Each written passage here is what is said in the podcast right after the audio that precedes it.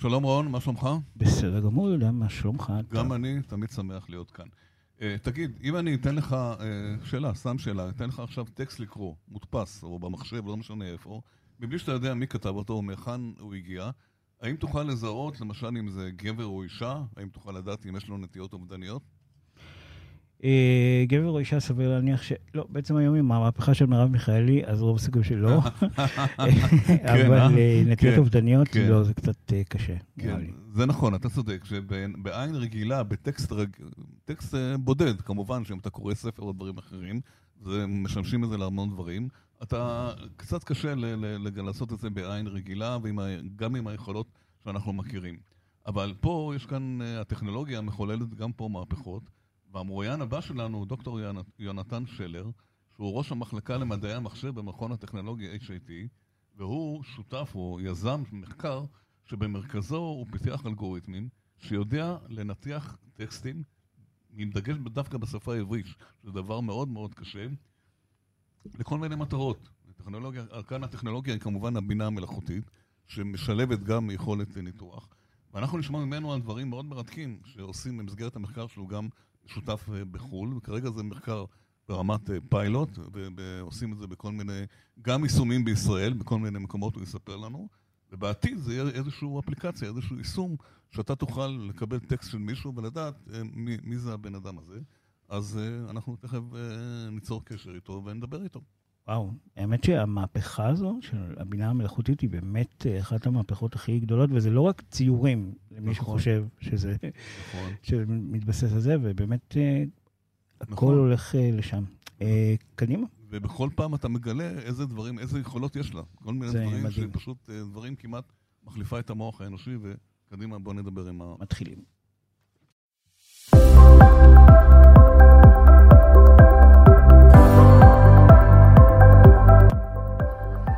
שלום וברוכים הבאים וגם השבים לפודקאסט האנשים ומחשבים, תודה שהצטרפתם אלינו. כאן אה, יהודה קונפורטס, העורך הראשי של אנשים ומחשבים ועורך התוכנית אורן קסלר. מיד מתחילים.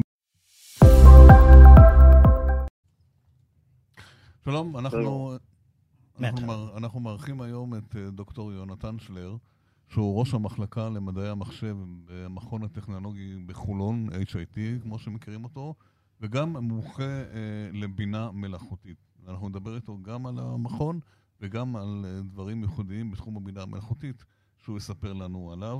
שלום לדוקטור יונתן שלר. שלום יהודה, שלום למאזינים. שלום. שלום נתן. אה, נתחיל כדרכנו בפודקאסטים, אה, נעשה היכרות עם המאזינים. ספר קצת על עצמך, על הרקע, אה, מה אתה עושה. בסדר גמור. אז כמו שאמרת, שמי יונתן שלר, ואני אה, עשיתי דוקטורט במדעי המחשב, בתחום שנקרא בינה מלאכותית, ויותר ספציפי, התחום שלי הוא בניתוח טקסטים. אה, מה שזה אומר, בעצם בינה מלאכותית באופן רחב, זה בעצם לתת למחשב כלים אה, לעשות דברים שבעצם אנחנו חושבים שבני אדם היו יכולים לעשות, ואנחנו, כשמחשב עושה אותם, אנחנו מדמים כביכול יכולת אנושית למחשב לעשות את הדברים האלה. בזה שמחשב יכול לעשות את הדברים האלה, פתאום יכול להגיע גם לתובנות יותר גדולות, גם לדברים שככה אנחנו בתור בני אדם לא היינו יכולים להגיע אליהם, אבל אה, בעצם באמצעות המחשב אנחנו יכולים ככה להגיע לדברים אה, יותר רחוקים, יותר מעמיקים, בהיקף יותר גדול. זה תחום שהיום הוא מאוד מאוד מתפתח, אה, בכלל בעשור האחרון, ומשהו שאני אוהב לעשות אותו, אני מלמד אותו גם את סטודנטים אצלנו שלומדים, ואני תמיד אומר שאם לפעמים אני מצליח להדביק אה, סטודנט אחד או שניים באהבה שלי לתחום ולהכניס אותם לשם, אז ככה זה גם הרווח שלי בנושא. אה, תגיד, דיברת בעצם על ללמד מחשב. תספר קצת על תהליך הלמידה הזה. איך מלמדים מחשב בעצם להתנהג כמו בן אדם, או לחשוב כמו בן אדם? כן, אז, אז אם אנחנו נחשוב מה זה תהליך למידה, בתור בני אדם, בוא נחשוב קודם, בתור בני אדם, בתהליך למידה, אנחנו אה, מקבלים איזושהי אינפורמציה ומכלילים אותה. אני אתן דוגמה, בואו נדמיין ילד קטן. ילד קטן שאנחנו רוצים ללמד אותו לדבר. ילד הולך עם אבא שלו ברחוב, ואבא אומר לו, הנה תסתכל, הנה אוטובוס. ואז עובר עוד אוטובוס, ואז אומר, הנה עוד אוטובוס. אחרי שני אוטובוסים הילד מנסה להבין מה זה אוטובוס, והוא רואה נגיד עוברת משאית, והילד אומר, הנה אוטובוס. ואז אבא שלו מתקן אותו, אומר לו, לא, לא זה לא אוטובוס, זה משאית. עכשיו אחרי שלוש, ארבע, חמש, עשר מכוניות שעוברות, הילד כבר לומד להבין בדוגמאות האלה שאבא מראה לו אוטובוס מול משאית, מול מכונית, איך נראה אוטובוס, איך נראית משאית ואיך נראית מכונית. ככה ילד לומד. איך, איך עובד מחשב. כן. במחשב אנחנו אה, רוצים לתת לו הרבה דוגמאות גם של דברים מסוימים, ואנחנו אומרים לו, הנה קח דוגמאות למשל אה, ל... אה, ניקח את זה מעולם התוכן שלי, אה, לטקסטים, אה, מסמכים שגברים כתבו, והנה דוגמאות למסמכים שנשים כתבו, ובואו תנסה אתה לקרוא את, את הטקסטים האלה וללמוד לבד מה מאפיין טקסטים שכתבו גברים מול טקסטים שכתבו נשים. איך זה קורה? בלי שאני אומר זה? לו כלום. כן. אני לא אומר לו, אני רק נותן לו את הדוגמאות, והמחשב כן. מנסה ללמוד לבד. עכשיו, כשמחשב לומד לבד, כמובן שאני כתבתי איזושהי תוכנה מאחורה, בתור מדען מחשב, כן. שמלמד את המחשב ללמוד ולהסתכל ולהכליל, ובעצם להגיע לתובנות האלה לבד בעצמו. שזה רגע... החלק המסתורי בעצם. כן, כן. לא, לא, אבל בוא רגע נפריד את הנושא הזה, נסביר גם למאזינים. כשאתה מדבר על ניתוח טקסטים, אתה מדבר על ניתוח טקסט שבעצם יכול להיות אה, על מחשב או דף מודפס, לאו דווקא, לאו דווקא כתב יד, כי זה לא גרפולוגיה, שלא לא, לא תהיה איזושהי הבנה. אם אני עכשיו אדפיס איזשהו מסמך מסוים, ואתה לא תדע מי אני, איך אתה תדע לזהות אה, מאפיינים, ואיזה מאפיינים אתה יכול לדעת, או המחשב בעזרתך יכול לעשות את זה, זה מעניין. נכון, אז, אז אה, יש פה קצת הבדלים בין, הש... בין השפות השונות. אם ניקח למשל דוגמה את השפה העברית, כן. אז בשפה העברית יש בכתיבה עצמה אה, את הנושא של המגדר, זאת אומרת, אני אומר אני הולך, ואישה תגיד אני הולכת. נכון. אם אני אה, אתן למחשב כל מיני טקסטים של נשים דיברו וטקסטים של גברים דיברו אה, או כתבו, אז הוא יודע לראות שבטקסטים של הנשים יש יותר הולכת ו... אז זה קל, זה לא צריך מחשב בשביל זה. זה קל, כן, כן. זה קל, יפה. כן. אז ככה המחשב מחליט. השאלה הייתה, האם אני למשל יכול לקחת את המחשב גם לזהות מגדר באנגלית, שאנגלית זה כבר שפה שהיא בדיבור המגדרי, ורצינו לראות האם למשל מחשב יודע לזהות את ההבדלים בין המגדרים בצורת הכתיבה, וראינו שיש אה, הבדל. אתה יכול להגיד לי מה ההבדל? כאילו במה, באיזה כן, מאפיינים אה, כן, כן. יש אה, להתנסחות גברית והתנסחות נשית? כן. אז קודם כל, כמובן שזה, כשמחשב מסתכל על זה, זה מכלול של מאפיינים. כי כולם מופיעים גם אצל גברים וגם אצל נשים, אבל יש יותר אה, שכיחות לצורך העניין בצד אחד מאשר בצד השני. אז למשל, אצל נשים השכיחות של גוף ראשון, I היא אה, יותר גבוהה, I, I, אה, ביטויים של עצמי היא יותר גבוהה. למשל, השימוש בסלנג, במילות סלנג, מילות ככה, אמוג'י אפילו, היא גם יותר גבוהה. זה משהו שמאפיין יותר כתיבה אנושית. אצל גברים למשל הביטוי זה אה, הוא, הוא הרבה יותר נוכח.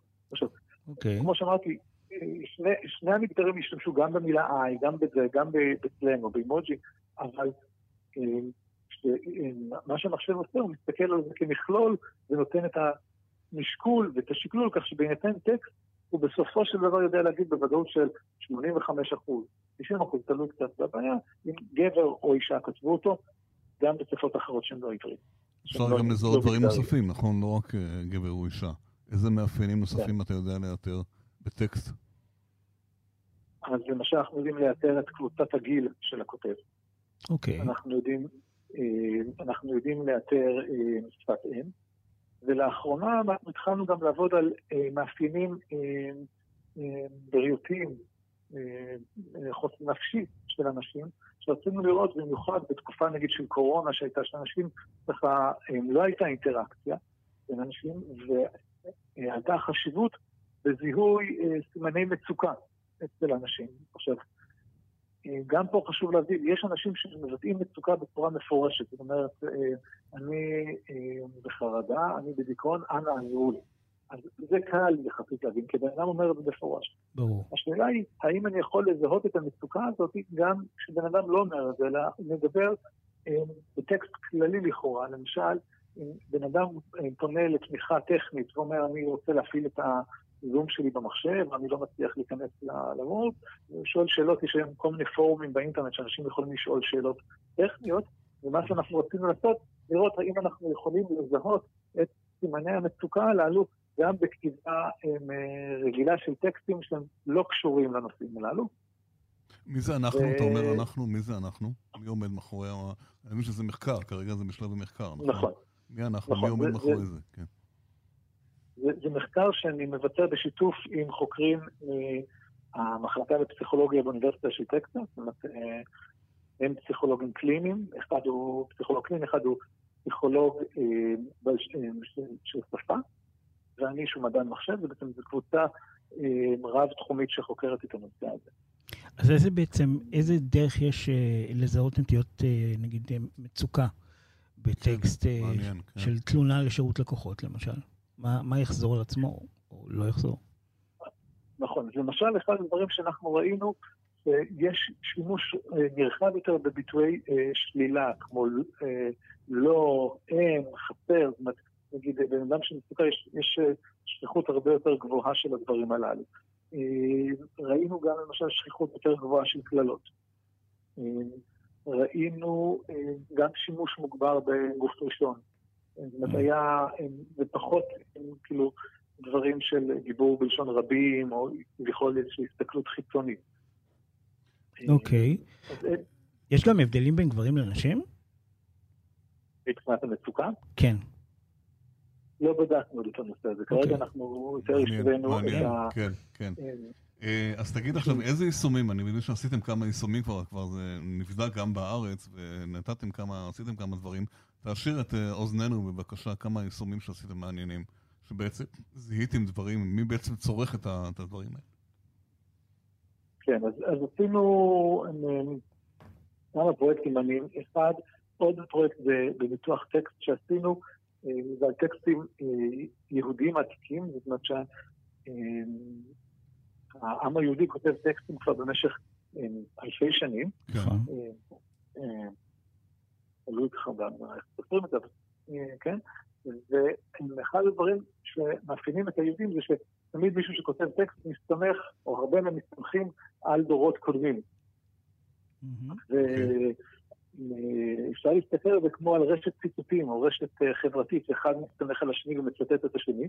ועם רשת אנחנו יודעים לעשות הרבה דברים יפים, אבל אה, הבעיה שהטקסטים האלה לא כתובים בצורה של רשת. אז אנחנו פה הפעלנו שיטות של בעצם ניתוח טקסט בשביל לנתח, לקרוא את הטקסטים האלה בצורה אוטומטית. איפה עשיתם את זה? איפה, איפה עשיתם את זה? סליחה? איפה עשיתם את הבדיקה הזאת?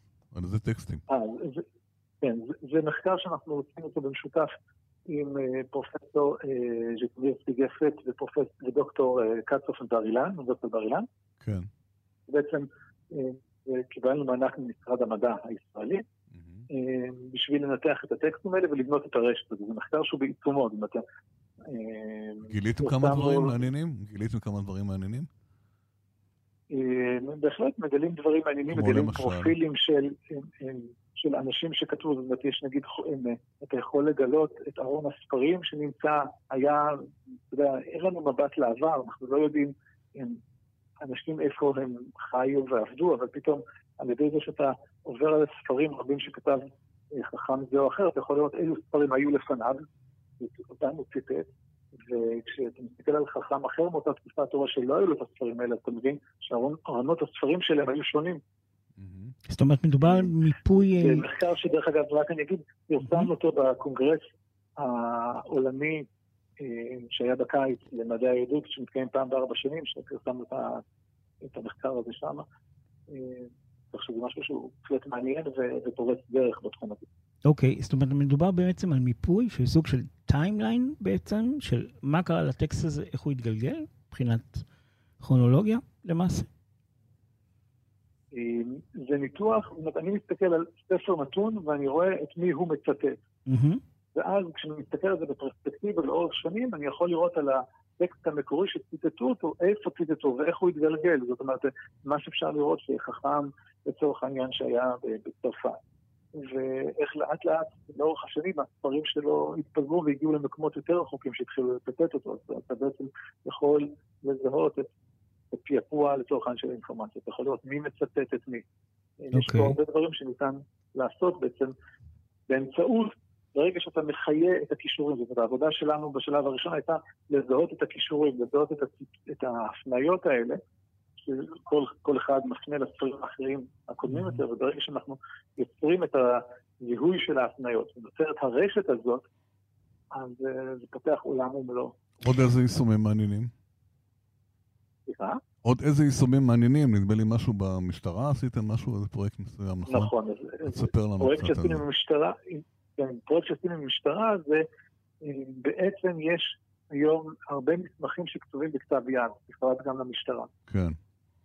כתב יד הוא, הוא מאתגר לניתוח. למה כתב יד הוא מאתגר לניתוח? כי כל אחד אה, כותב אחרת. זאת אומרת, הכתב שלי והכתב שלך שונים, mm-hmm. אבל לא רק שהכתב שלנו שונים, גם אצלי אה, כל אות שאני כותב, גם אם כותב פעמיים את אותה אות, היא נראית אחרת בכל מילה. נכון. אה, בשונה ממחשב שיש לו פונט, וכל הפונט, א' מפונט מסוים נראה אותו דבר, אצלי א' עם כל א' נראית אחרת. כך שאם מחשב צריך לנתח את ה... להבין, להסתכל על התמונה ולהבין מה זה א', מה זה ב', זה משהו שהוא מאוד מאוד מורכב. מה שאנחנו עשינו, אנחנו עשינו פרויקט ביחד עם משטרה, שלוקח טקסטים בכתב יד בעברית, ובעצם מסתכל על התמונה של הטקסט, ויודע להפוך את הכתב יד לאור דיגיטלית. זה נקרא OCR, Optical Character Recognition. כן, כן, כן. התהליך הזה של להסתכל על תמונה ולהפוך אותה למסמך וורד. אה, לצורך המחשה. אבל זו טכנולוגיה שקיימת כבר, לא, לא הבנתי כאילו מה בעצם החידוש כאן. להפוך נכון, לאורסר אפשר לקחת כל מסמך. נכון. אז נכון. בטח אתם הוספתם משהו, עשיתם משהו בזה, כן. נכון. אז OCR קיים בדרך כלל בדפוס. OCR של כתב יד הוא הרבה יותר קשה, מהסיבות שאמרתי מקודם, שבעצם כל אות נראית אחרת. אה, הוא עוד יותר קשה בעברית, כי בעברית היא... בסוף היא שפה שאין לה כל כך הרבה משאבים, זאת אומרת, אין כל כך הרבה לקוחות בעולם שמתעניינים בעברית, או מתעניינים ב-OCR של כתב יד בעברית, כך שאין אין היום אה, דברים כאלה. חידוש הוא בעברית. וזה משהו שאנחנו בעצם אה, פיתחנו אבל מה המשטרה עושה? למה המשטרה צריכה להעביר את הכתב יד? כאילו, אני מבין שזה לצורך חקירה, היא חוקרת משהו. אז באיזה שלב היא פונה אליכם? היא תפנה או משהו כזה? שהיא לא מבינה את הכתב יד, או שהיא רוצה לעשות עם זה משהו? מה הצורך של העניין הזה? מעבר לסריקה? קודם כל יש בסריקה של מסמכים, אבל אחר כך אה, שלבים המשכיים, זה קשור בעצם לעבודה הרחבה יותר של למשל איזשהו profiling שדיברנו עליהם. אחד הדברים שאפשר לעשות, אה. אפשר למשל לזהות האם שני כתבי יד הם זהים, הם נכתבו על ידי אותו אדם, האם האותיות מספיק דומות, האם האותיות הן שונות, אה, ואז לתחומים של פורנזיקה זה יכול להיות שימושי. הבנתי. או להפוך את זה לדפוס, ואז לנתח אם זה כן, גבר או אישה. בדיוק, בדיוק. או לדעת, או קצת לזהות על האיש עצמו. תגיד רגע, אתם, זה שלבי מחקר, מה ה roadmap של המחקר? אה, מי, מי מממן אותו? מתי זה, יהיה, מתי זה יהפוך למוצר, אם בכלל? אז, אז באמת כל, כל מחקר אה, יש לו roadmap אה, קצת אחר. כן. בטבעו של מחקר, מחקר יש לו אה, כל מיני, אה, תמיד דברים לא צפויים גם שיכולים לצוץ אה, לאורך הדרך, אבל המחקרים בדרך כלל ממומנים לשנתיים, שלוש, ארבע, אלה בדרך כלל טווחי הזמן. כן. ואנחנו בעיצומם של, באמצע של, המחקרים האלה, אוקיי. שאלה לסיום. אה, בתחום הזה של בינה מלאכותית, אם היה לך אפשרות עכשיו, בלי מגבלת אה, תקציב וזה, מה החלום שלך? מה הדבר שהיית הכי רוצה להמציא? וואו, אה, מה הייתי... יכול להתפרע עכשיו, יש לך הזדמנות. זה מוקלט. כן. מה? זה מוקלט, אתה יכול להתפרע עכשיו, כן. בדיוק. אני חושב שהמטרה שלנו בסופו של דבר בתור מדעני מחשב, אבל אני חושב שבהסתכלות רחבה יותר, היא להביא טוב לעולם. זאת אומרת, mm-hmm. שאנחנו רוצים לשפר בעצם את, ה, את מצבם של, של בני אדם שחיים, ו, ולעזור לאנשים איפה שהם, במה שאפשר. אני חושב שאחד התחומים המשמעותיים באמת יותר היום, זה העולם הרפואי או העולם כן. החוסן נפשי. אז אני, אם אני מסתכל בעולם שלי, אז באמת מערכות שיכולות לעזור לאנשים במצוקה, בין אם זה בזיהוי, אחר כך בטיפול. ו... עכשיו, כמובן שזה לא דברים שיכולים להחליף בני אדם, יש תמיד איזשהו יחס בין מה, עד, עד איפה ידו של המחשב מגיע ואיפה כן, צריך את ה... זה הפחד הגדול, כן, כן. ככל שזה משתכלל. כן. תגיד עוד משפט אחד לסיום, טכנית. המגמת המדעי המחשב שלכם ב-HIT, כמה, מה מלמדים, כמה תלמידים, מה אוהבים ללמוד, כן. מה, איך מלמדים היום בכלל, מכשירים אנשים להייטק היום? כן, אז, אז היום אה, באמת אנחנו רואים ביקוש גובר והולך לתחום של מדעי המחשב. אצלנו ב... אני אגיד שאנחנו כן, כבר... עדיין נמשך? עדיין נמשך? בית הספר למדעי המחשב. כן. מה? עדיין הביקוש נמשך, כי בקורונה היה ביקוש גדול מאוד, כן. נכון, אנחנו רואים ביקוש של קרוב, לגידול של קרוב ל-15 עד 20 אחוז ברישום לשנה הקרובה כן? בשנה שעברה. כן. Okay. אוקיי. בשנה הבאה יהיה לנו קרוב ל-1,600 סטודנטים בבית הספר למדעי המחשב בחולון, mm-hmm. בתואר ראשון ולתואר שני, יש לנו תואר שני עם ובלי תזה במדעי המחשב. כן. הצורה שבה זה עובד זה שהסטודנטים בשנתיים הראשונות לומדים את העקרונות כן. של מדעי המחשב, את התחומים השונים, נוגעים בכל אחד מהתחומים, כולל תחום הבינה מלאכותית ולמידת מכונה. ואז בשנה השלישית, וגם אחר כך בתואר השני, הם מתמחים בתתי תחומים שמעניינים אותם. אז בפרט יש לנו גם התמחות בבינה מלאכותית ולמידת מכונה, יש לנו נכון, התמחות כן. בסייבר, כן. התמחות ברובוטיקה, הרבה הרבה תחומים שמעניינים והם נמצאים היום בקדמת העשייה. ואחד הדברים שלנו מאוד חשוב בתור בית ספר למדעי המחשב, במכון טכנולוגי, זה החיבור בין התיאוריה לפרקטיקה. זאת אומרת, אחד הדברים שאנחנו שמים עליהם דגש, גם בהוראה וגם במחקר אחר כך, לעשות מחקרים שהם יישומיים, שיש להם אה, תרומה לחברה, לכלכלה, אה, לתחומי החיים שאנחנו נמצאים, והלימוד שלנו מוכוון לשם, סטודנטים עושים פרויקטים בשיתוף עם חברות, עושים אה, פרויקטים יישומיים אה, לאורך הדרך, כך שזה מאוד מחובר לעולם המעשה. וכשבוגר שיצא החוצה, אחר כך גם יוכל להשתלב בצורה טובה גם בשוק, וגם אחר כך יוכל לתרום לו במי שימשיך לתארים מתקדמים, גם לחידושים, באמת להצעיד את התעשייה הזאת קדימה. מרתק. תודה רבה, דוקטור יונתן שלר, ראש המחלקה למדעי המחשב ב-HIT ומומחה לבינה מלאכותית. אה, תמשיכו במחקר היפה, זה מעניין, ובהצלחה. תודה. בהצלחה. תודה, תודה. תודה לכם. כל טוב. עד כאן הפרק הזה, אה, תודה שהאזנתם לנו, אנחנו זמינים גם באפליקציית אה, ספוטיפיי, בגוגל פודקאסט וכמובן באתר של אנשים ומחשבים, להתראות בפרקים הבאים.